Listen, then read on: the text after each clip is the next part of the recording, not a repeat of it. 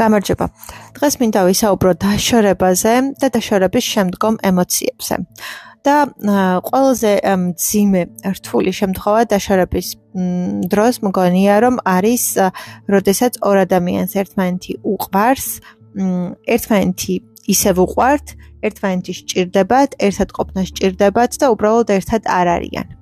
ყველაზე მნიშვნელოვანი რაც საკუთარ თავში უნდა ჩამოყალიბდეს და განისაზღვროს არის ის რომ შენ რა გინდა ამ ადამიანთან ყოფნა გინდა, თუ არ გინდა, ეს ადამიანი გიყვარს, თუ არ გიყვარს, გჭირდება, თუ არ გჭირდება. მასთან ყოფნა შენთვის გადამწყვეტი არის, თუ არ არის საერთოდ არაფრის მთქმელი და მომცემი. შენთვის მასთან ყოფნა არის თუ არა გადამწყვეტად მნიშვნელოვანი და რას ნიშნავს? იქნები თუ არა შენ მის გარეშე კარგად და იქნები თუ არა შენ მის გარეშე ბედნიერი. თუ შენ ხვდები და ატყობ რომ ამ ადამიანის გარეშეც ძალიან კარგად იგრძნობ თავს. თუ შენ ატყობ რომ ამ ამ ადამიანის გარეშეც ძალიან ბევრ რაღაცას იზამ გამოგივა მიაღწევ და იქნება მაშინ ალბათ შენთვის შეიძლება რომ ანუ დაშორდე რა იმიტომ რომ შენ ბევრი რამ შეგიძლია და ამ ადამიანის გარეშე ყოფნა შეგიძლია მაგრამ თუ მეორე კუთხით შენ საკუთარ თავს ამჩნევ და ატყობ იმას რომ მე ამ ადამიანის გარეშე ყოფნა არ შემიძლია და თავს კარგად კარგად ვერ უგრძნობ და კარგად ვერ ვიქნები და ყოველთვის შემაწუხებს ეს მომენტი და ყოველთვის მექნება ის რაღაც რომ მე აი რაღაცა არ შემიძლია და ვერ ვარ აქ კარგად და ვერ ვარ აქ კომფორტულად მაშინ ეს ნაბიჯი არ უნდა გადადგა. არის ცხოვრებაში პერიოდები და მომენტები, როდესაც ადამიანებს ცალკეულად აა აქვთ ძალიან კრიტიკული, კრიზისული და რთული პერიოდები და მომენტები.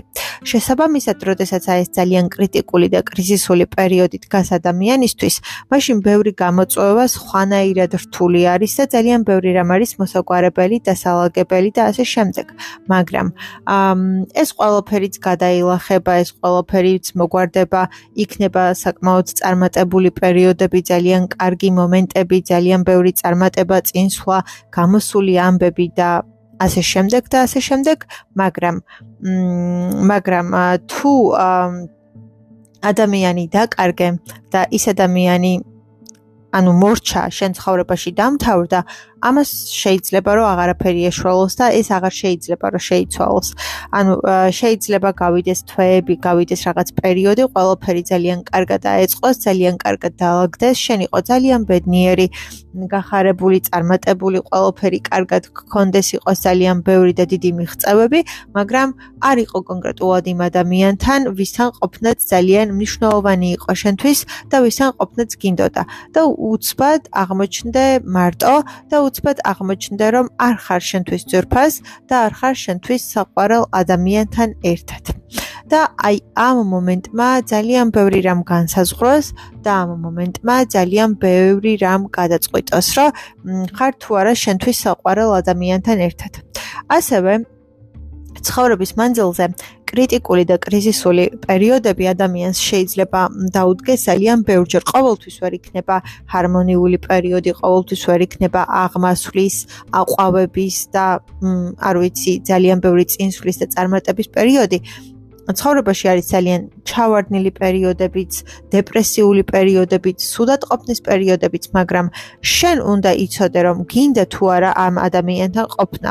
არ შეიძლება რომ ყოველი კრიტიკული ან კრიზისული პერიოდის დროს ამ ადამიანს ხელს კრავდე და იშორებდე თავიდან და ტოვებდე.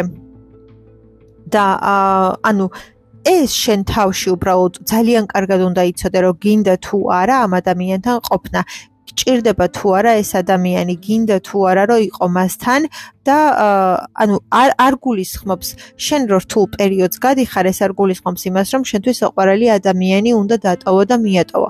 როგორი ახსნაც არ უნდა კონდეს ამას, რომ თუნდაც მისთვის აკეთებ კარგს, იმიტომ რომ აი უცბად წარუმატებელი ადამიანის გვერდით არ აღმოჩნდეს და ამდენი სირთულის გამოვლა არ მოუწიოს. ანუ მე მგონია რომ შესაძ წყვილი ძალიან რთულ და კრიტიკულ და კრიზისულ პერიოდს ერთად გადის, ურთიერთობა, თვითონ ეს ურთიერთობა და ეს სიყვარული კიდევ უფრო ძლიერდება და კიდევ უფრო მყარდება და კიდევ უფრო სხვანაირად მტკიცე ხდება და ეს ძალიან ბევრ რაღაცას ნიშნავს, რომ შენ საყვარელ ადამიანთან ერთად გამოიარე. ყოველ შემთხვევაში ნებისმიერი კრიტიკული და კრიზისული პერიოდის დროს კითხვის ნიშნის ქვეშ ის არ უნდა დგებოდეს, რომ მინდა თუ არა მე ამ ადამიანთან ყოფნა და მინდა თუ არა მე ამ ადამიანთან ურთიერთობა და მინდა თუ არა მე ამ ურთიერთობაში ყოფნა.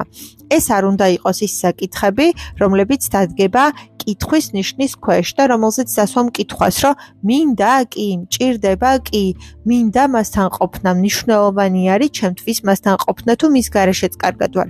ანუ აი ეს არ უნდა იყოს უნდა იცოდე შენ თავში რომ შენ ის ადამიანი ყოველთვის გინდა, ყოველთვის გჭირდება და არ არსებობს რაიმე მოცემულობა, რომელშიც მაგალითად იტყვი რომ ხო არა იცი რა მე მის garaშეც კარგად ვიქნები. მე მის გარეშეც კარგად გავარწმევ თავს, აი, რაღაცნაირად შინაგანად ძალიან მткиცეთ და ძალიან მყარად უნდა გქონდეს პასუხი და უნდა იცოდე, რომ მე ეს ადამიანი მინდა, მე ეს ადამიანი მჭირდება და მე რეალურად ამ ადამიანთან ყოფნა ძალიან ძალიან მინდა და მჭირდება და რომ მე უბრალოდ ამ ადამიანის გარეშე ვერ ვიქნები, ვერ გავძლებ, აა კარგად ვერ ვიქნები და უბრალოდ ამ ადამიანის garaშე არ მინდა და არ შემიძლია. მე მგონია რომ ეს არის ძალიან მნიშვნელოვანი, იმიტომ რომ ხანდახან კრიტიკულ მომენტებში დაშორება შეიძლება ძალიან ბევრი ახსნა მოეწებნოს, რომ შენ ძალიან ცუდ პერიოდს გადიხარ, ძალიან ცუდად ხარ, რთული პერიოდი გაქვს, მაგრამ კითხვის ნიშნის ქვეშ ადამიანის საჭიროება არ უნდა დგებოდეს.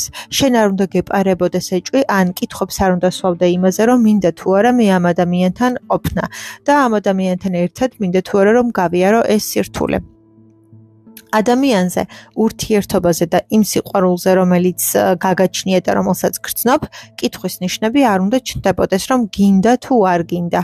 თუ ამ ყოველფრის garaშე უკეთ იქნება, იმიტომ რომ შინაგანად სადღაც და ძალიან ძალიან ისე ღრმად შეგნით ძალიან კარგად უნდა იცოდე, რომ ამ ყოველფრის garaშე და ამ ადამიანის garaშე შენ უბრალოდ არ შეგიძლია ვერ იქნები, ვერ გაძლებ, ვერ იქნები კარგად, ვერ იქნები მშვიდად, ვერ იქნება იქნები ბედნიერად და ნუ არ შეგიძლია არც გინდა და ეს არჩევანი არც უნდა იყოს რომ აი მოდი მე მის garaშე ვიქნები. ანუ ამაზე ალბათ არც უნდა ისმებოდეს კითხვები და არც უნდა გეფიქრებოდეს და ყველაზე ცუდი რამ შეიძლება ითქვას რომ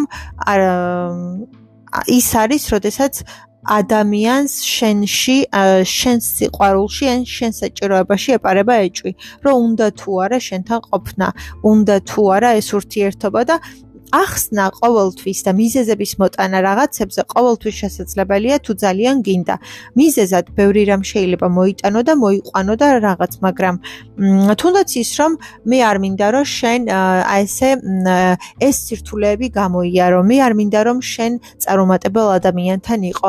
მე არ მინდა რომ შენ რაღაცა და კიდე უფრო მარაზმი გამართლებები, ასე ვთქვათ, რომ მე მინდა რომ შენ ვიღაც კარგ ტიპთან იყო, ან უკეთესი ცხოვრება გქონდეს, ანუ მე მეკითხები, მე საერთოდ რა მინდა? ანუ მე იქნებ ყველაზე და ყველაფერზე მეტად შენთან ყოფნა მინდა და შენთან ყოფნა მირჩევნია, ანუ თუ მე მეკითხები, მე რა მინდა, მე რას ვგრძნობ და მე როგორ ვგრძნობ? აა ანუ და თუ ჩემი აზრი გაინტერესებს ხო, ჩემი შეხედულება, ჩემი აზრი და ჩემი გრძნობები და ემოციები არის ის, რომ მე ნებისმიერ შემთხვევაში შენთან ყოფნა მინდა და მე შენ garaშე ვერ ვიქნები კარგად და სულ რაღაც გასაოცარი ამბავი დამიყენო წინ არ მინდა.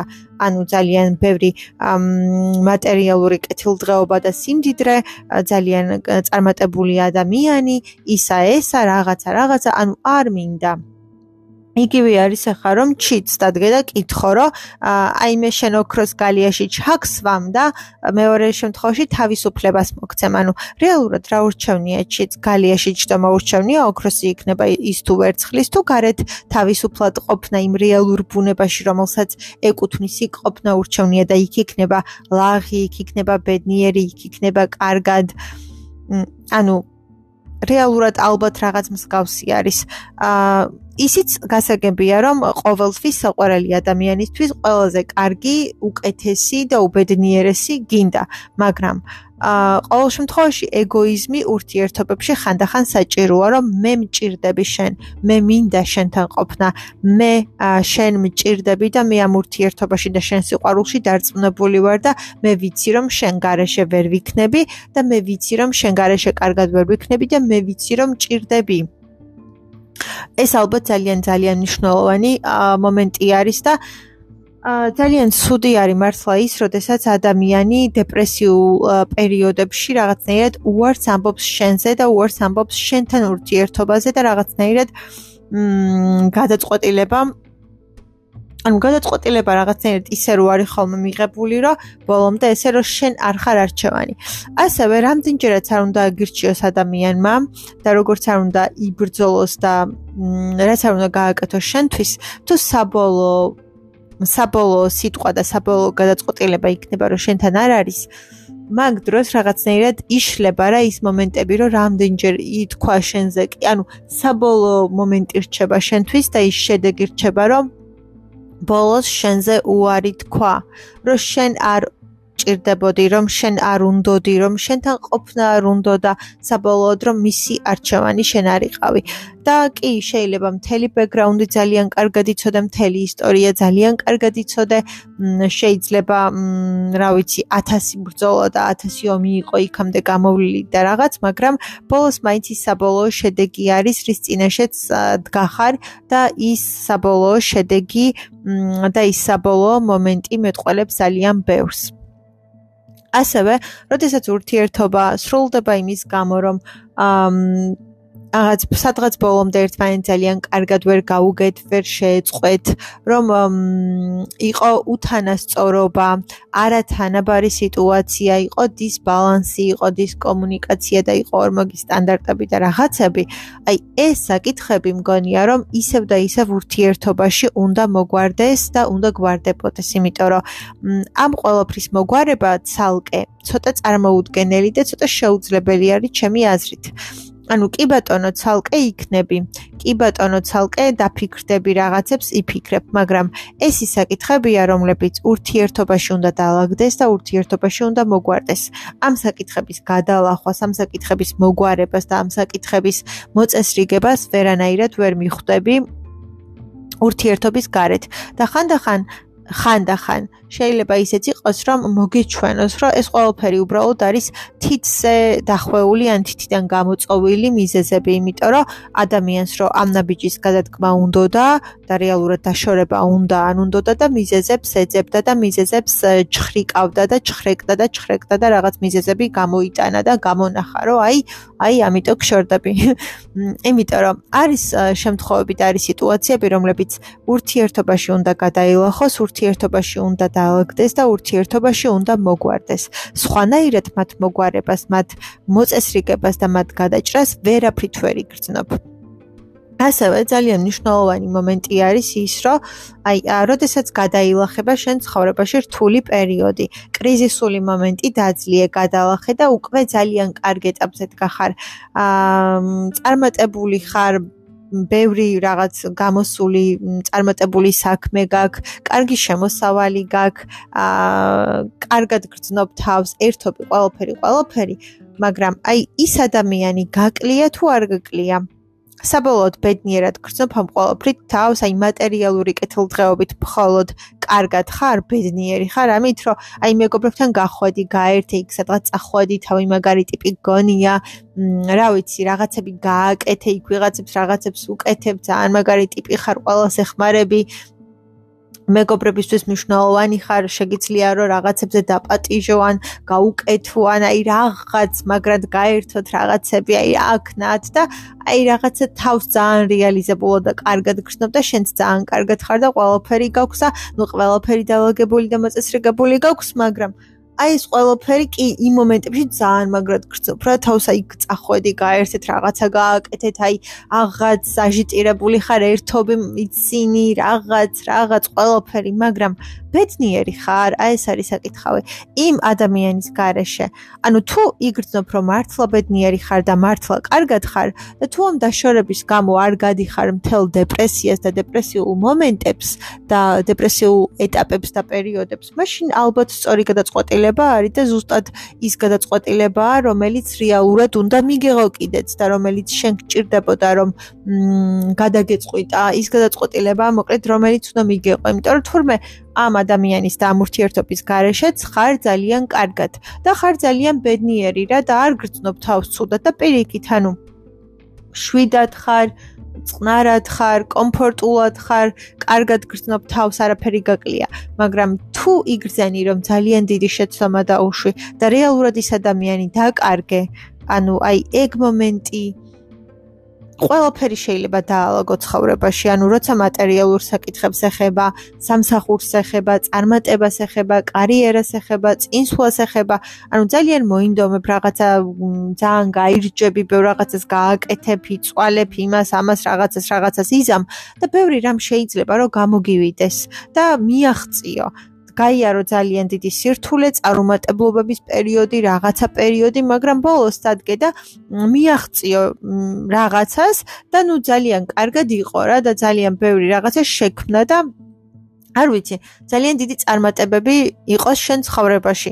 მატერიალურ დონეზეც ძალიან კარგად იყო, აი ძალიან კარგად იყო, მაგრამ მხოლოდ ეს არის ბედნიერება? როდესაც რაღაც არ ვიცი, აი სახს იყიდი მაგალითად და იმ სახში მიდიხარ და უკომფორტულესია ყველანაირად ისე გაქვს მოწყობილი, როგორც გინდოდა ან წარმოგედგინა და აი ყველანაირი კომფორტი ხვდება და იქ რომ მიდიხარ, აი მართლა ისვენებ და დუნდები და რაღაცა. კი რაღაც პერიოდი ეს ძალიან სასიამოვნოა, რომ რა მაგრა მოაწყე და როგორ მაგრა გააკეთე და რა მაგარი რაღაცები გაქვს და აი ამ რაღაცებითაც ერთობი და ტკბები, მაგრამ როდესაც გავიდა 2 თვე, 3 თვე, 4 თვე, 5 თვე, 6 თვე და რაღაც პერიოდი და მიდიხარ ამ სახში მარტო და ეს ყველაფერი ეს გასართობებიც მოგბეზრდა. იქ ყოველ დღეს თუნდაც მეგობრების მოსვლა რაღაცა მოგბეზრდა.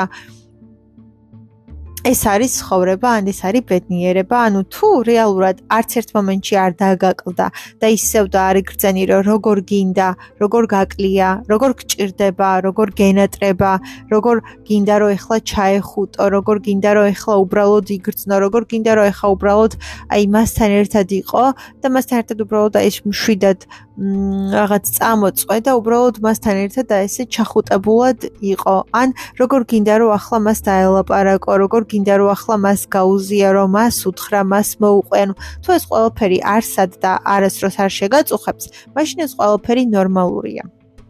მაგრამ თუ ეს ყველაფერი გაწუხებს და თუ ამ ყველაფრით ვერ ისვენებ, მაშინ, რავი, ძალიან დიდი დანაკარგი გაქვს ცხოვრებაში, რომელიც შეიძლება რომ ან დააბრუნო და ან კიდე საერთოდ აღარ დააბრუნო, იმიტომ რომ ნუ ხანდახან ყველაფერი ხდება. დრო რო გადის, რა როგორანაირად დაალაგდება, ან აეწყობა, ეგ საბოლოო ჯამში ალბათ არავინ არ იცის, მაგრამ ხო არ ვიცი. ანუ ხანდახან არის რომ ურთიერთობები ისევ ასე ვთქვათ გამოდის და ადამიანები რიგდებიან და ადამიანები ისევ ერთად არიან, მაგრამ ხანდახან არის პირიქითაც რომ ნუ აღარ და ვეღარ და რავი. არ ვიცი. ყველა ისტორიაში სხვადასხვანაირი ხაზი და ის რაღაცა ვითარდება, ხო? აა კიდევ კიდევ არის ერთი რამ, რომ ურთიერთობები, როდესაც იწყება და ურთიერთობის დასაწყისში უნდა განსაზღვრო ძალიან კარგად და უნდა მიიღო მხედველობაში შენ როგორი ხარ და ის ადამიანი როგორი არის. გინდა თუ არა ასეთ ადამიანთან, ასეთ ტიპთან და ასეთ ტიპაშთან ურთიერთობა. გინდა თუ არა, გიღირს თუ არა და ანუ გინდა თუ არა რა ამ ადამიანთან და ამ ტიპთან ურთიერთობა. გიღირს თუ არა ეს ურთიერთობა და შეგიძლია თუ არა მასთან ურთიერთობა. იმიტომ რომ ხანდახან მოლოდინი რომ ვიღაც შეიცვლება, რაღაც შეიცვლება, რაღაც გამოსწორდება, რაღაც უკეთ იქნება. ეს ყველაფერი ხანდახან არის უბრალოდ ძალიან დიდი ილუზია და უბრალოდ რაღაცნაირად, არ ვიცი. ჩვენ ყველანი ვართ ინდივიდები. აბსოლუტურად ყველა ადამიანი არის განსხვავებული, სხვადასხვანაირი, ყველას აქვს თავისი, რა ვიცი, ხასიათი, თვისებები, გამოხატულებები. ანუ ჩვენ ბევრ რაღაცას არ ვირჩევთ. აი ასეთები დავიბადეთ, ასეთები გავჩნდით.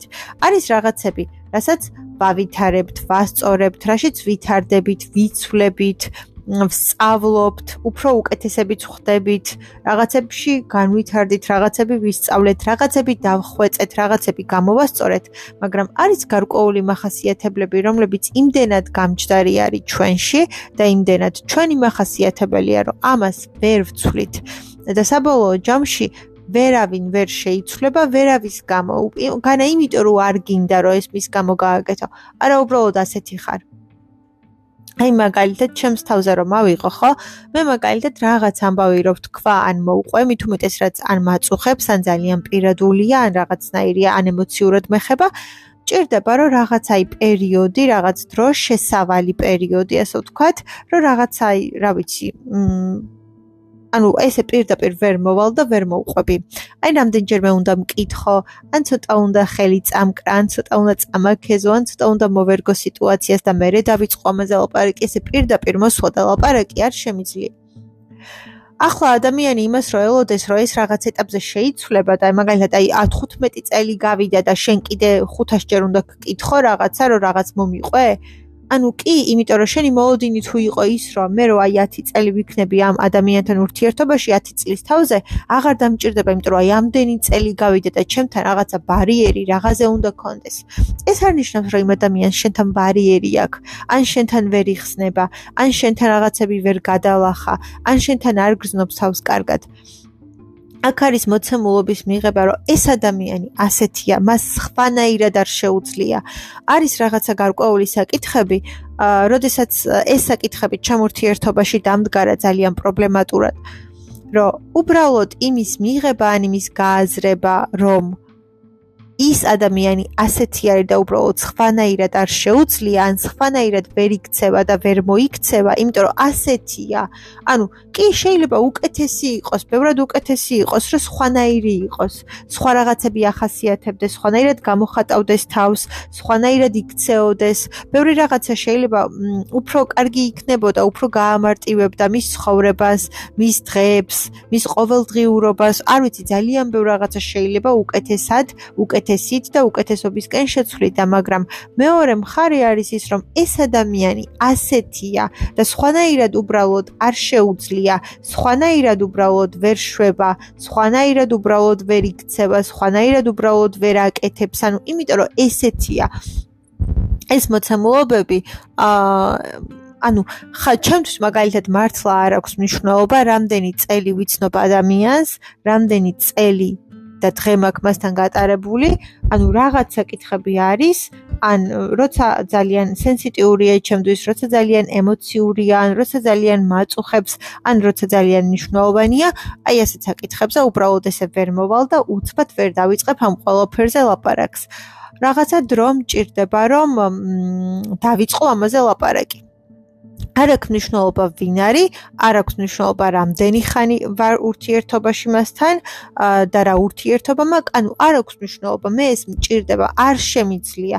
მაშინ უნდა ვიძალოდო საკუთარ თავზე და იმდენად დიდი დისკომფორტი განვიცადო და იმდენად აი არ ვიცი, მთელი ნერვიულობის და რაღაც ისის გამოვიარო, იმიტომ რომ მე ჩემს თავს დავაძალე, რომ ხონაირად მოგცეულიყავი.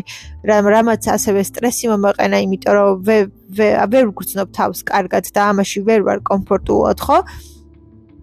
ჩემს მეგობარსაც სიტყვაზე როდესაც რაღაც მაქვს მოსაყვალი და როდესაც ხვდები, შეიძლება მთელი 1 საათი სხვა თემებზე ვილაპარაკოთ. აი ეს რაღაცა მჭირდება, რომ დავიწყო მე იმ რაღაცაზე ლაპარაკი, რაც მართლა მაწუხებს და რაზეც მართლა მინდოდა მოყოლა და ლაპარაკი და ეს არ ნიშნავს, რომ ვიღაცის ხვეწნას ველოდები ან 1000 კითხვის დასმას ველოდები, ან ვიღაცას ვაკვირდები, რომ აბა ეხლა დამისვავს 1000 კითხვას თუ პირველივე კითხვაზე დანებდება. არა, უბრალოდ არის რაღაცა შემთხვევები, როდესაც რაღაცა უბრალოდ გჭირდება. და ასეთი შეიძლება იყოს ძალიან ბევრი რამ და შეიძლება ეხა ამის მაგალითად ასევე ძალიან ბევრი მაგალითი რომ მოვიტანოთ და მოვიყვანოთ. ძალიან ბევრი. ჩემი ურთიერთობიდანაც და ნუ ჩემი מחასიათებლებიდანაც რა თქმა უნდა. მაგრამ მანდ არის ის მნიშვნელოვანი რომ ხშირ შემთხვევაში უნდა განისაზღვროს რომ უბრალოდ ეს ადამიანი არის ასეთი. და მას უბრალოდ სხვანაირად არ შეუძლია მოქცევა, არ შეუძლია რაღაცების გაკეთება, არ შეუძლია რაღაცების სხვანაირად გადაწყვეტა და უბრალოდ ეს ადამიანი არის ასეთი და სხვანაირად ვერ მოიქცევა, სხვანაირად ვერ იმოქმედებს, სხვანაირად უბრალოდ ვერ გააკეთებს, იმიტომ რომ ასეთია. და ეს არის მთელი საკვანძო მომენტი და მნიშვნელოვანი ამბავი, რომ უბრალოდ ის ადამიანი არის ასეთი. და ამ ყოველფრის მიღება ურთიერთობაში და ამ ყოველფრის განსაზღვრა და მიხვედრა რომ რა არის გამოსწორებადი, რა არის შეცვლადი, რა არის გადალახვადი და რა არ არის მნიშვნელოვანი. თუნდაც აი, როდესაც ჩემი ურთიერთობიდან ისევ ერთ-ერთი მაგალითი, მოკლედ, ჩემს ურთიერთობაში ასე იყო და ხდებოდა, რომ ჩემი შეყარებული რაღაცას რომ მიხვდებოდა, რაღაცას რომ გაიაზრებდა, ან რაღაცას რომ აღმოაჩენდა, ან არ ვიცი, რაღაცას რომ დაინახავდა, თუნდაც პრობლემას, რო ლაპარაკობდა, კი მესმის, ვიგებ, მაგრამ ანუ ბოლომდე გააზრებული, ბოლომდე გათვითცნობიერებული, ან ნაგრძნობი მე თავად ეს ყველაფერი არ მაქვს, იმიტომ რომ მე ჯერ ეს არ გამომივლია. თუმცა რასაც ამბობდა, რასაც ყვები მესმის, მაგრამ ბოლომდე ვერ ვგრძნობ, იმიტომ რომ არ ვიცი, იმიტომ რომ მე ჯერ ეს ყველაფერი არ გამომივლია. იგივე ამბავს, ან იგივე რაღაც, ანუ ეს აი რო დავუყოთ, რომ რაღაც ეტაპები არის რა, მე ამას გავდიოდი 2 ან 3 თვის შემდგომ. და 2 და 3 თვის შემდეგ როცა მე გამოვივლიდი ამას და როცა მე წავაწყდებოდი ან შევეჩეხებოდი თავისთავად უკვე არამხოლოდ გაგება რომ მესმის რაღაცა და გავიგე. არამედ მე თავად გამოვიარე და ვიგრძენი და ბოლომდე გავითავისე. ეს მომენტი კიდე სხვანაირად გებოდა ხო თავისთავად და მე ეს იქნიდა პრობლემას რომ აი ხა ხვდები ხო ანუ არ ნიშნავს იმას, რომ არ მინდოდა, რომ ბოლომდე მიუხვდარიყავი, როცა შენ ამას ლაპარაკობდი, უბრალოდ ვიგებდი.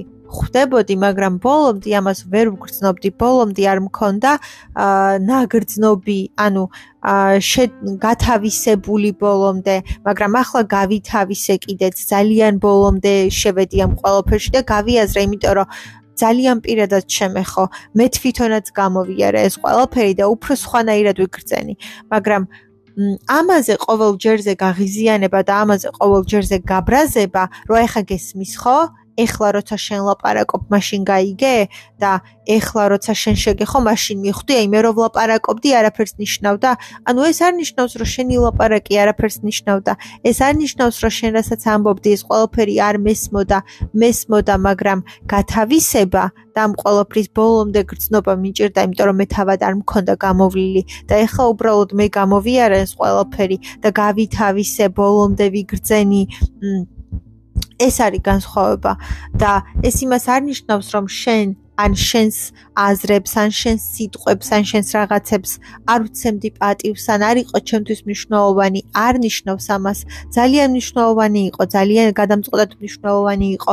პატივსაც ვცემდი ამ ყველაფერს და არ ვიცი, ყველაფერი იყო, მაგრამ მე ის ყველაფერი იმ ეტაპზე არ მქონდა, ხო, უბრალოდ გამოვლილი. შესაბამისად, ამ ასეთ რაღაცებზე ნებისმიერი მაგალითი შეიძლება იყოს აქ და ნებისმიერი მაგალითი შეიძლება ჩაისვას, მაგრამ რაღაცა არ მქონდა გამოვლილი, რაღაცა საკმაოდ გვიან გამოვიარე, რაღაცა საკმაოდ საკმაოდ საკმაოდ გვიან გავიარე და ანუ მჭirdებოდა რაღაცებისთვის დრო და მჭirdებოდა რაღაცებზე მთელი რაღაცა, რა ვიცი, ეტაპები რო გამომევლო. არ ნიშნავს ეს რომ არ ვცემდი შენს შეხედულებას და შენს აზრს პატივს ან შენი სიტყვები არ იყო ჩემთვის მნიშვნელოვანი ან არ გისმენდი ან არ მესმოდა, ანუ არ ნიშნავს ამას. და მე ხდება ის, რომ აი შენ რაღაც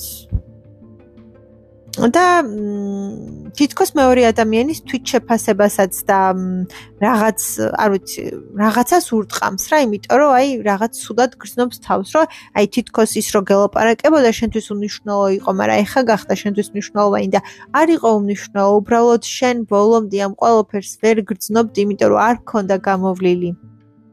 მაგრამ არ ნიშნავს რომ არ უსმენდი. ან არ გესმოდა ან არ გინდოდა რომ ბოლომდე თუნდაც გეგრძნო. უბრალოდ სხვანაირად ვიგებთ რაღაცებს როდესაც ჩვენ თავად გამოვივლით ამ ყველაფერს. აა ეხლა ჩემი მეგობარი რომ იყოს დეპრესიაში და საშნელ დეპრესიაში და ამ ყველაფერს რომ მე მიყვებოდეს რა თქმა უნდა გავიგებ რა თქმა უნდა მესმის ვცდილობ რომ ის მდგომარეობაში ბოლომდე შევიდე მაგრამ როდესაც მე გამოვივლი მაგალითად დეპრესიას კიდე სხვანაირად და კიდე უკეთ გავიგებ, იმიტომ რომ მე რეალურად ვიცი უკვე ეს რაც ნიშნავს და არა მხოლოდ ინფორმაციულ დონეზე მესმის, რომ აი ვიღაცა მითხრა, რომ აი ესე ვარ და ისე ვარ და ასე უგრძნობ და ისე უგრძნობ. არა, მე ეს ყველაფერი ჩემ თავზეც გამოვიარე და მე ეს ყველაფერი ჩემ თავზეც ვიგრძენი. შესაბამისად, ახლა მე სხვანაირად მესმის და ახლა მე ამ ყველაფერს სხვანაირად ვუყურებ. შესაბამისად ურთიერთობაში იმის მოლოდინი, რომ დისბალანს თუ ამას დისბალანს დავარქმევთ რამე და არეგულირებს, ალბათ ძალიან არასწორი მოლოდინია და იმის მოლოდინი, რომ ეს გამოსწორდება, ასევე არასწორია, იმიტომ რომ ადრეც თქვი რაღაც შემთხვევებში, მე მაგალითად რა დროშიც ვკითხულობ ხუთ ფურცელს. ჩემი მეგობარი მაგალითად ხუთ ხუთი წუთი მჭირდება ხუთი ფურცლის წასაკითხად. ჩემს მეგობარს ხუთი ფურცლის წასაკითხად სჭირდება 2 წუთი. ანუ მისი ტემპი ასეთია, ჩემი ასეთია. ანუ ეს ვერასდროს ვერ შეიცვლება. ის ყოველთვის 2 წუთში წაიკითხავს 5 ფურცელს, მე ყოველთვის 5 წუთში წავიკითხავ 5 ფურცელს და ეს რაღაც ურთიერთობებში, როდესაც გადმოყვავს, ხო? მეორე ადამიანმა ეს უბრალოდ უნდა მიიღოს, გაიაზროს, გაითავისოს, რომ ასეთი ხარ. ამ ტემს ამ რაღაცას ვერ შეცვლი. ერთადერთი ცვლილება ამ შემთხვევაში, ჩემ შემთხვევაში, ხო, შეიძლება იყოს ის, რომ მე ეს გვერდები აბსოლუტური დაკვირვებით და გულისყურით არ წავიკითხო და უბრალოდ თვალის გადავლებით წავიკითხო.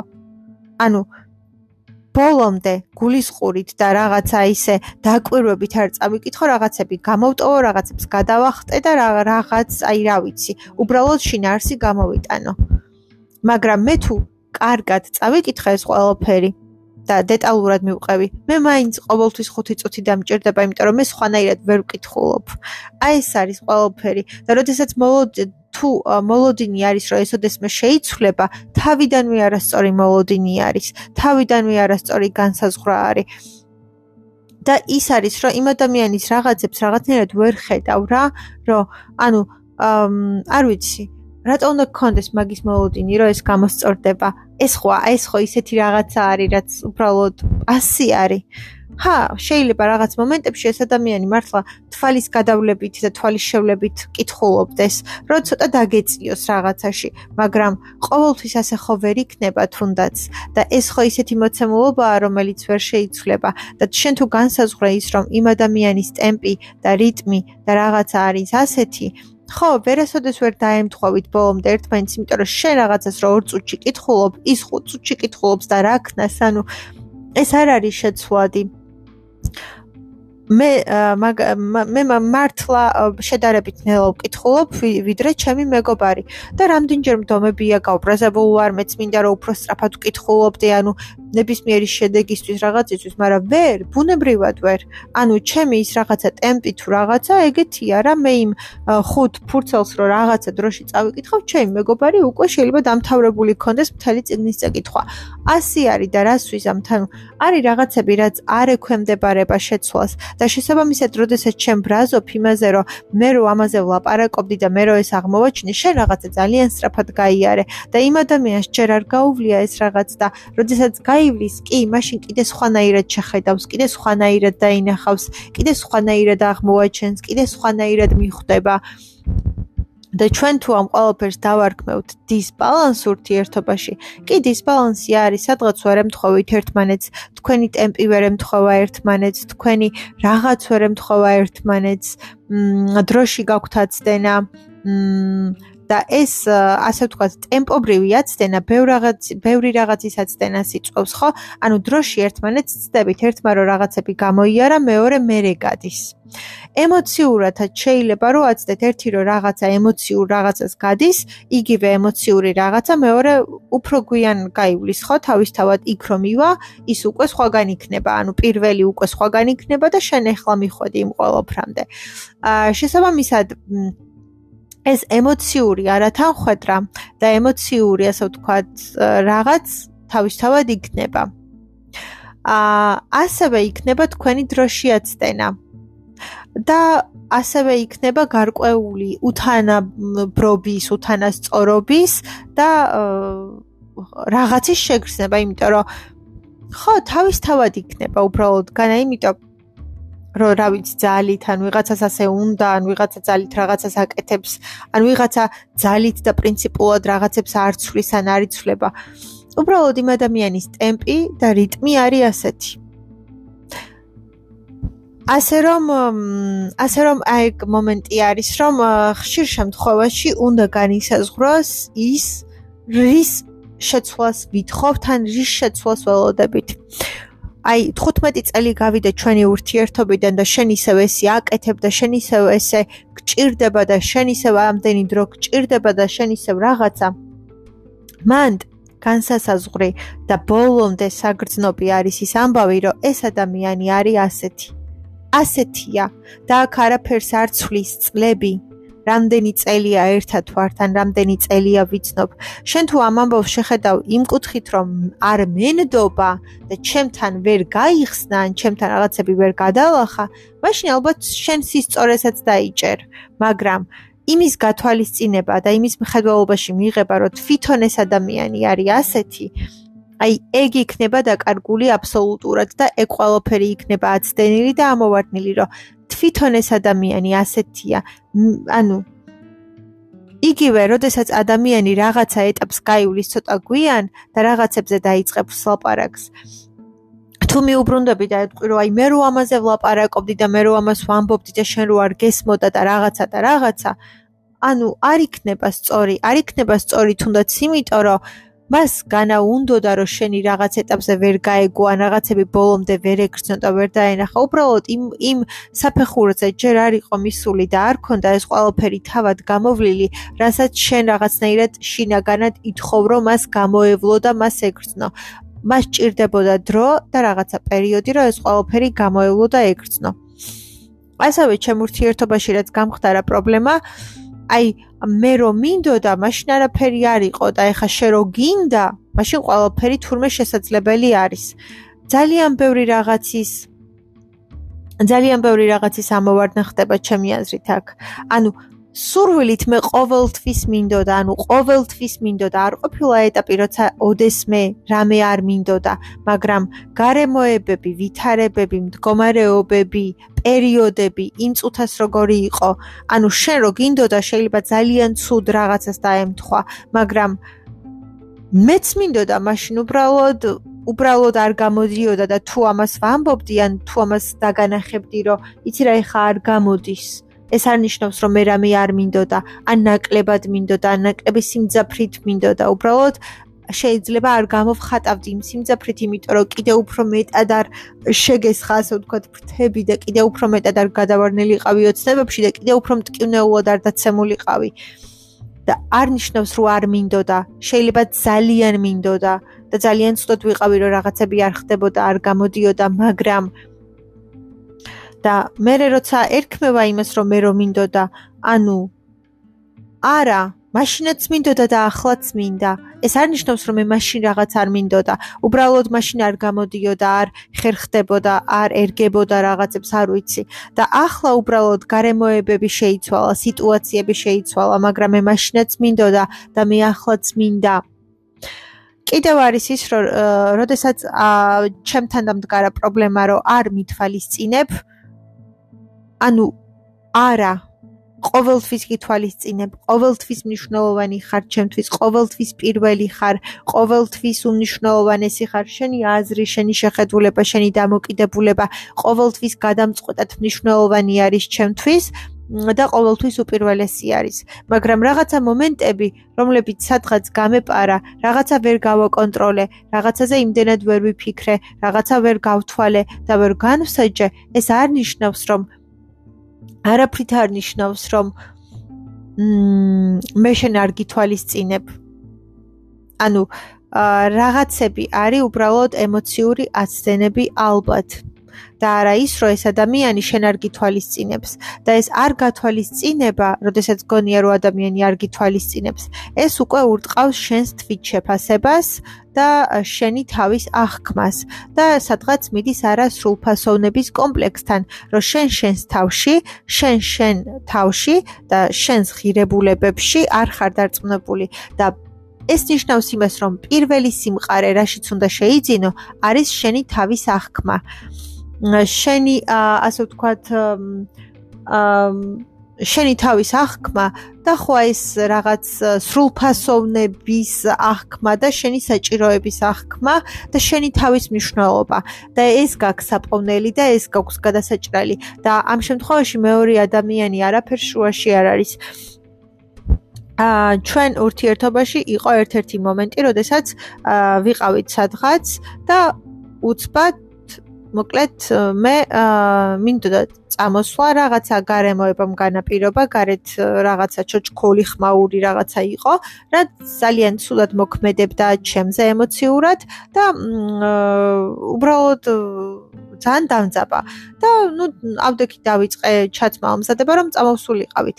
სიტყვიერად არ შემითანხმებია რომ იცი რა მოდი წავიდეთ ან შენ როგორ გირჩევნია დავრჩეთ თუ წავიდეთ? ანუ ეს რაღაც არ ყოფილა უბრალოდ ავდექი და დავიწყე მომზადება და ვთქვი რომ უბრალოდ გავაჟღერო რომ წავიდეთ თქო. რაც ძალიან დიდი პრობლემა გახდა ძალიან დიდი ხნის მანძილზე. და ამ ყოველფერს ერქვა და ეთქმოდა ის რომ მე არ გავითვალისწინე და მე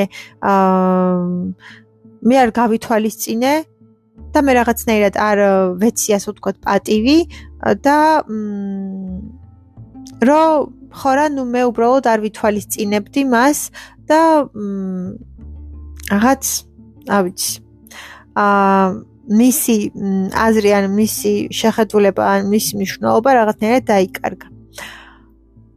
აა ამ დროს ჩემთვის უბრალოდ ჩემთვის და გულწრფელად იყო ის რომ როდესაც შენ მე ძალიან კარგად მიცნობ და როდესაც ძალიან კარგად იცი როგორი ვარ ანაირი ვარ და როცა იცი რომ ეს ყველაფერი რაღაცა ძალიან ცუდად იმოქმედებს ჩემზე და როდესაც მიცნობ ანუ რატო ანუ შენთან რატო უნდა დამჭირდეს მილიონი ახსნა განმარტება იმაზე რომ მე ხლა აი ამ ყველაფრის გამო ძალიან დავიძაბე და რაღაც.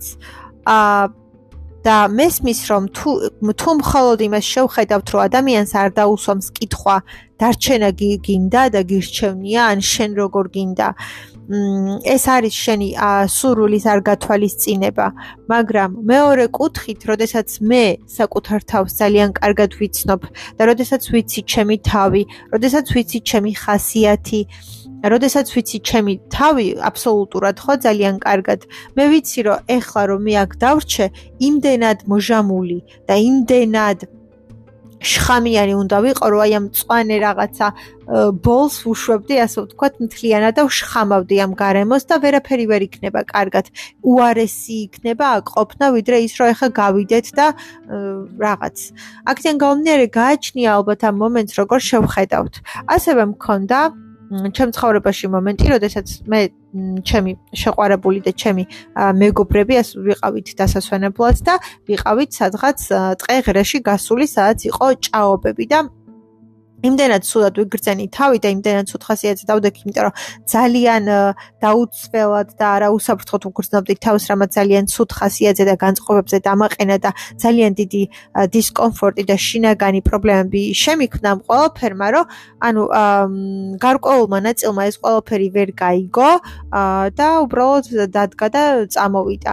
ანუ მანდაც არის ალბათ მომენტები, როდესაც ჩვენ შინაგანად ველით იმას, რომ ადამიანებს არ უნდა დასჭირდეთ რაღაცების ბოლომდე ახსნა და აა ანუ არ უნდა დასჭირდეთ რაღაცების დაღეჭვა, რომ გაიგონ რატო ვგრძნობთ ახლა ცუდად? თავს, როდესაც ვამბობთ, რომ მე ამ გარემოში რაღაცა ვერ ვგრძნობ, რა ეხა თავს კარგად და რაღაცა ცუდად ვგრძნობ, ხო თავს, ანუ ყველაფრის აბსოლუტურად დაღეჭვა და ყველაფრის აბსოლუტურად რაღაცა ყოველთვის შეიძლება რომ არ იყოს რა საჭირო, იმიტომ რომ ადამიანი თუ გიცნობს და იცის როგორი ხარ, რაღაცის მიხვედრა ან რაღაცის გათვალისწინება შეიძლება რომ უბრალოდ გასაგები იყოს რა, რომ აი აქ რაღაცა ვერ გრძნობ თავს კარგად და რაღაცები ნაკლებად იყოს საწყენი.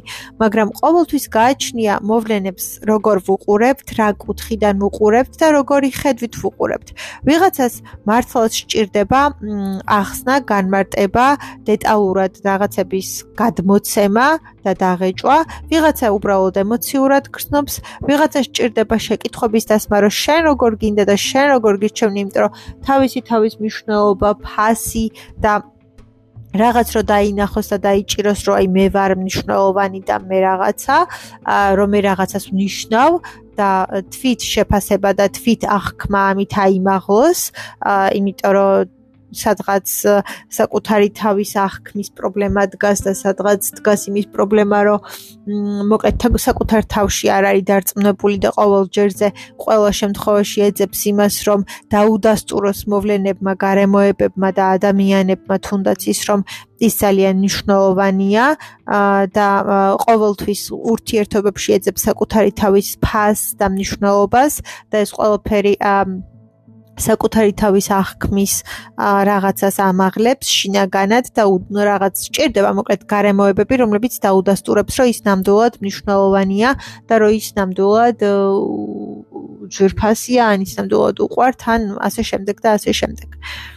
მ ასე რომ გააჩნია რომელ მოვლენას როგორ ვუყურებთ და რომელ მოვლენას როგორ ვაფასებთ და თუ მაგალითად მსგავს შემთხვევებს დაერქმევა ის, რომ არ მithვალისწინებ და მე შენთვის იმდენად მნიშვნელოვანი არ ვარ არ ვარ, ან მე შენთვის დიდად არაფერს არ ვნიშნავ, თუ ასე გავიგებთ და ასე დავინახავთ ამ მოვლენებს, მაშინ ალბათ შეიძლება რომ ასეც დავინახოთ, მაგრამ მე მგონია რომ ხშირ შემთხვევაში რაღაცები არის, როდესაც უბრალოდ რაღაცას ვაკეთებ და არც კი გვიფიქრია და არც კი მოქსვლია აზრად, რომ ეს მეორე ადამიანს ცუდად შეეხება, რაღაცაში თავს სულად აგრძნობინებს, იმიტომ რომ ყველა ადამიანს აქვს თავისი რაღაცა ფსიქოლოგიური მ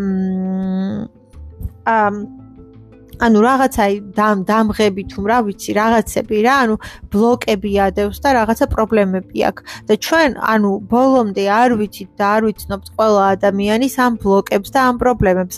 შესაბამისად, მე რო ასე ვიქცევი, მე არ მგონია რომ ეს შენ რაღაცაში გავნებს ან რაღაცას მოგაყენებს და შეიძლება ვერც წარმოვიდგინო, ვერც ვიფიქრო და ვერც დავუშვა რომ ამით შეიძლება შენ ახლა ისე ცუდად გახდე და ისე ცუდად იგრძნო თავი რომ რაღაცები საერთოდ გადაიშალოს, ანუ შეიძლება ეს ამ ამდენად ვერ ვიფიქრო და არც მქონდეს საერთოდ არც ერთ ფიქრში. მაგრამ ნუ ფაქტი არის რომ მეორე ადამიანზე მოქმედებს. ნებისმიერ შემთხვევაში რაც არ უნდა დავარქვათ ამ ყველაფერს, ემოციური აცდენები, დროში ერთმანეთთან აცდენები, ერთმანეთის არ გათვალისწინება, არათანაბრობის და უთანასწორობის შეგრძნება, გარკვეული დისბალანსი, ორმაგი სტანდარტები, დისკომუნიკაცია, თუ რა ვიცი რა როგორც არ უნდა ვუწოდოთ ამ ყველაფერს, მე მგონია რომ ეს ის პრობლემები არის, რომლებიც ურთიერთობაშივე უნდა მოგვარდეს და გადაიჭრას. ამ პრობლემების მოგვარებას და გადაჭრას ვერსად ვერ დაინახავ თუ არა ურთიერთობაში, ანუ ცალკე ამას ვერ მოაგვარებ. და ცალკე რამდენიც არ უნდა იფიქრო და ცალკე რამდენიც არ უნდა იმსჯელო, ეს საკითხები ურთიერთობაში ჩნდება, ურთიერთობაში წყდება და ურთიერთობაშივე გვარდება. ამ საკითხებს ცალკე ვერ დაალაგებ, ამ საკითხებს ცალკე ვერ გადაჭრი და ამ საკითხებს ცალკე ვერ მიხედავ და ცალკე ვერ ისრუნებ. ეს არის ის მომენტები და ეს არის ის საკითხები, რომლებიც ურთიერთობაშივე უნდა მოგვარდეს, რომლებიც ურთიერთობაშივე უნდა გადაიჭრას და ურთიერთობაშივე უნდა დაალაგდეს. მე არ მგონია, რომ ამ საკითხებს ჭირდება ფიქრი და დიდა და ესე რაღაც.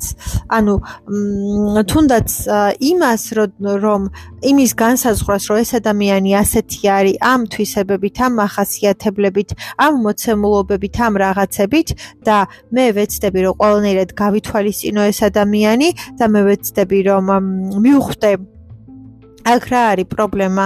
ანუ ის არის პრობლემა, რომ ეს ადამიანი ასეთია, თუ ეს ადამიანი რაღაცაში უბრალოდ არ იცვლება და არ ცდილობს, რომ განვითარდეს, შეიცვალოს, დაიხვეწოს და რაღაცები შეცვალოს. ანუ არის ეს ის საკითხები, რომელიც უნდა შეიცვალოს, ან რომლის შეცვლა მას შეუძლია, ანუ ხანდახან არის რომ ადამიანი უბრალოდ ასეთი არის და მორჩა, ანუ რას თხოვ რომ შენ ჩემთვის გადაკეთდი, შენ ჩემთვის შეიცვალე, ესეთი აღარ იყო, ანუ ასეთი ხარ. ანუ კარგია თუ ცუდია თუ როგორია, ასეთი ხარ. ანუ მორჩა, მან წდება ალბათ ძალიან ბევრი რამ და მან გადამწყვეტი მნიშვნელობა ზუსტად მაგას აქვს, რომ შენ ასეთი ხარ. ვიღაცა საერთოდ სხვანაირია, მაგრამ ნუ შენ ასეთი ხარ. და ეს მომენტი არის ყველაზე მნიშვნელოვანი, რომ შენ ხარ ასეთი და მორჩა. ანუ აქ მთავრდება მთელი ამბავი. ასეთი ხარ. არის რაღაცები, რაც გვინდა რომ შეიცვალოს, არის რაღაცები, რაც გვინდა რომ დაიხვეწოს, არის რაღაცები, რაც გვინდა რომ გამოსწორდეს და ვასწორებთ რაღაცებს, ვიხვეწებით, რაღაცებზე ვფიქრდებით, ბევრი ფიქრის შემდეგ რაღაცებს ვცვლით. მე ძალიან ბევრი რამ შემიცვლია ჩემს ურთიერთობაში, აი ამ დაფიქრებების, ამ რაღაცა განსჯის, დაკვირვების და იმის მიხვედრის შემდეგ, რომ ხო, აი, იცი ეს რაღაცა გამოსასწორებელი მაქვს. აქ რაღაც მცხლად კარგად არ ვიქცევი. ეს რაღაცა კარგად არ გამომივიდა.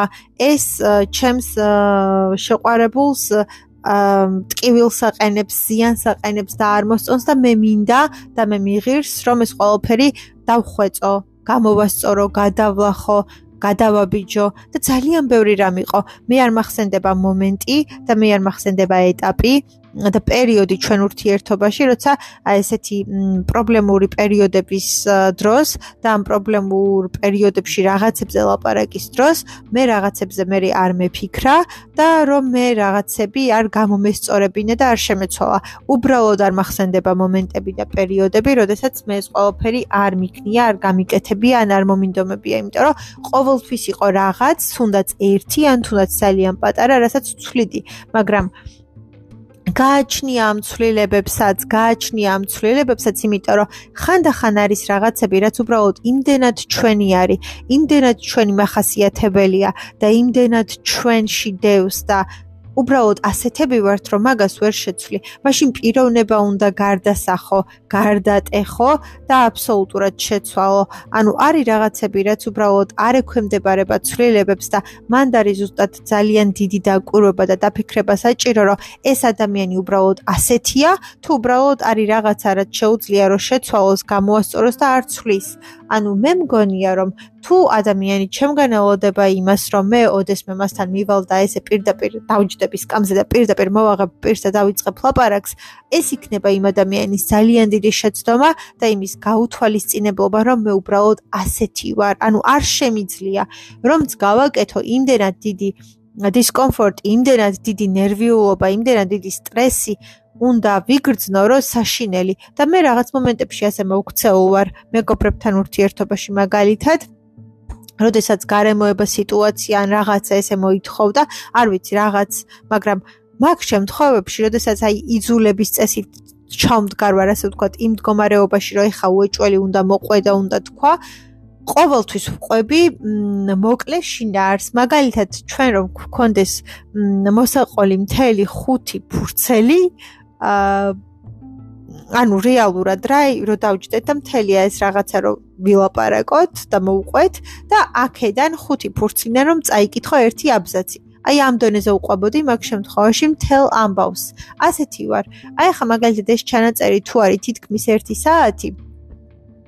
იწულების წესით რომ რაღაცა ეგეთი სიტუაცია იყოს შეიძლება ვთქვა ეს ყველაფერი ორ ან სამ წინადადებაში და მოკლე შინაარსი მოუყვე და იქ დამთავრდეს ყველაფერი.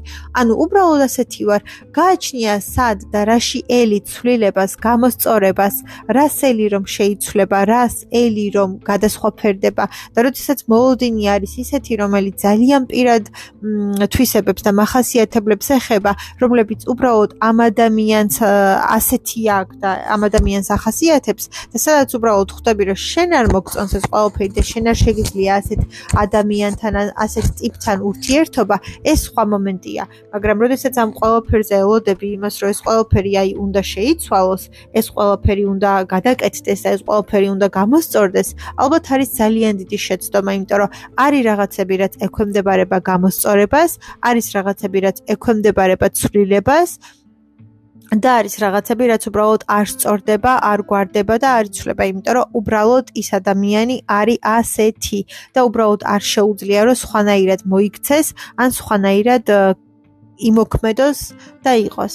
ამიტომ ძალიან მნიშვნელოვანი მგონია ხშირ შემთხვევაში მის განსაზღვრა, რას ველით, რა ცვლილებებს ველით და თუ ეს გარკვეული ცვლილებები ადამიანის შეცვლას მოითხოვს, ეს წარმოუდგენელია და ეს რთულია და უბრალოდ უნდა მიიღო და მიხვდა რომ ეს ადამიანი ასეთია. თუ ადამიანი 5 წუთში კითხულობს 5 ფურცელს და თუ შენ ამ 5 ფურცელს 2 წუთში ან თუნდაც 1 წუთში კითხულობ ეს მომენტი როგორც ფაქტობრივი ინფორმაცია უნდა დააფიქსირო და იცოდე რომ მე ესეთი ვარ და ის ისეთია და ეს ტემპი არ შეიცვლება.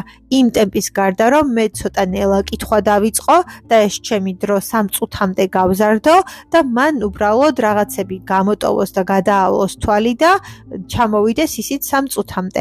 სხვა შემთხვევაში ის რომ მან გულდას მით წაიკითხოს, ყოველთვის 5 წუთი დასჭირდება. შენ რომ შენი ჩვეულებრივი ტემპით წაიკითხო და ცოტა არ შენელდე, შენ ყოველთვის 1 წუთში ან 2 წუთში წაიკითხავ. ამიტომ გააჩნია ჩვენ რაში ველით ცვლილებებს და რაში ველით გამოსწორებას, რა არის ჩვენი მოლოდინები და ასევე მგონია რომ აი ამ რაღაც საკითხებს, როგორიც არის დისბალანსი, დისკომუნიკაცია, ვერ რაღაცებში გაგება, ვერ შეწყობა, არათანაბრობა, არათანასწორობა, დისბალანსი, ორმაგი სტანდარტები, კომუნიკაციაში რაღაცებში აცდენა, დროში აცდენა, ემოციურად აცდენა, რაღაცების ერთმანეთამდე ბოლომდე ვერ მიტანა და ვერ გაგება, ეს ყველაფერი ცალკე არასოდეს არ გვარდება, ცალკე არასოდეს არ სწორდება და ვერ გამოსწორდება. რამდენიც არ უნდა იფიქრო, რამდენი დროც არ უნდა დაიჭირო, რომ ეს ყველაფერი მოგვარდეს, გამოსწორდეს და შეიცვალოს, ეს ყველაფერი არ და ვერ გამოსწორდება, იმიტომ რომ ეს ყველაფერი არ ექვემდებარება ფიქრს და არ ექვემდებარება გამოსწორებას. ეს არის ის პრობლემები და ის საკითხები, რომლებიც ისევ და ისევ უნდა გადაიჭრას და მოგვარდეს ურთიერთობაში.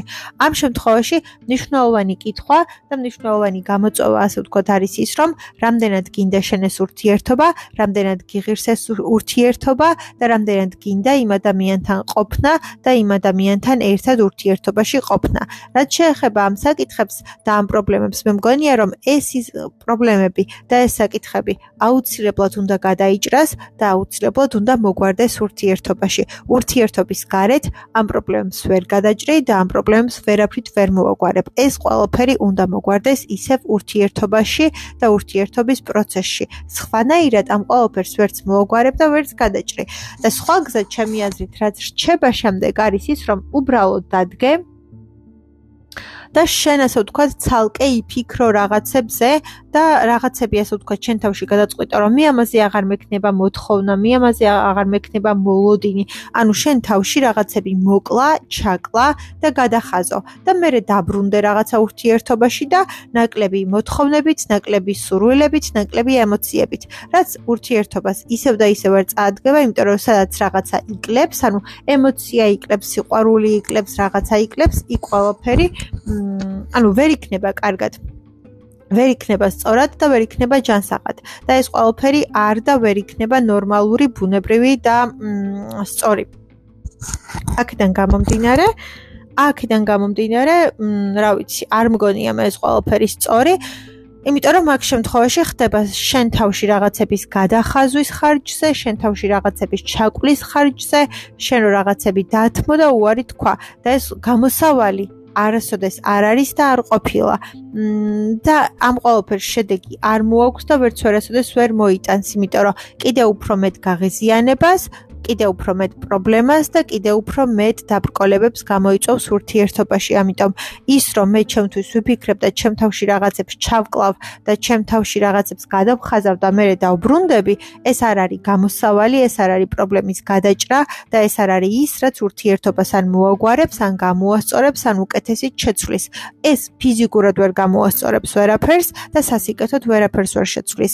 კიდე უფრო მეტ პრობლემას გამოიწვევს სამომავლოდ. შეიძლება რაღაცა პერიოდი რაღაცა თვეები კარგად წავიდეს და გაძლო, მაგრამ ის რა ყველაფერი რაზეც პრესინგი, ფუშინგი და მთელი ძალადობა გქონდა საკუთარ თავში და რაღაცები რაც შენ თავში ჩაკალი, აა ყოველთვის წამოყოფს ეს ყველაფერი თავს და ძალიან ცუდად მოგიტრიალდება და მოგიბრუნდება, იმიტომ რომ ბუნებრივი ეს არ არის. და მე კიდე უფრო დიდ და ბევრ გაღიზიანებად, აგრესიად და რაღაცად წარმოიქმნება ურთიერთობაში და ერთადერთი არის ის რომ იფიქრო და დაფიქრდე გინდა ამ ადამიანთან ყოფნა და ურთიერთობა თუ არ გინდა?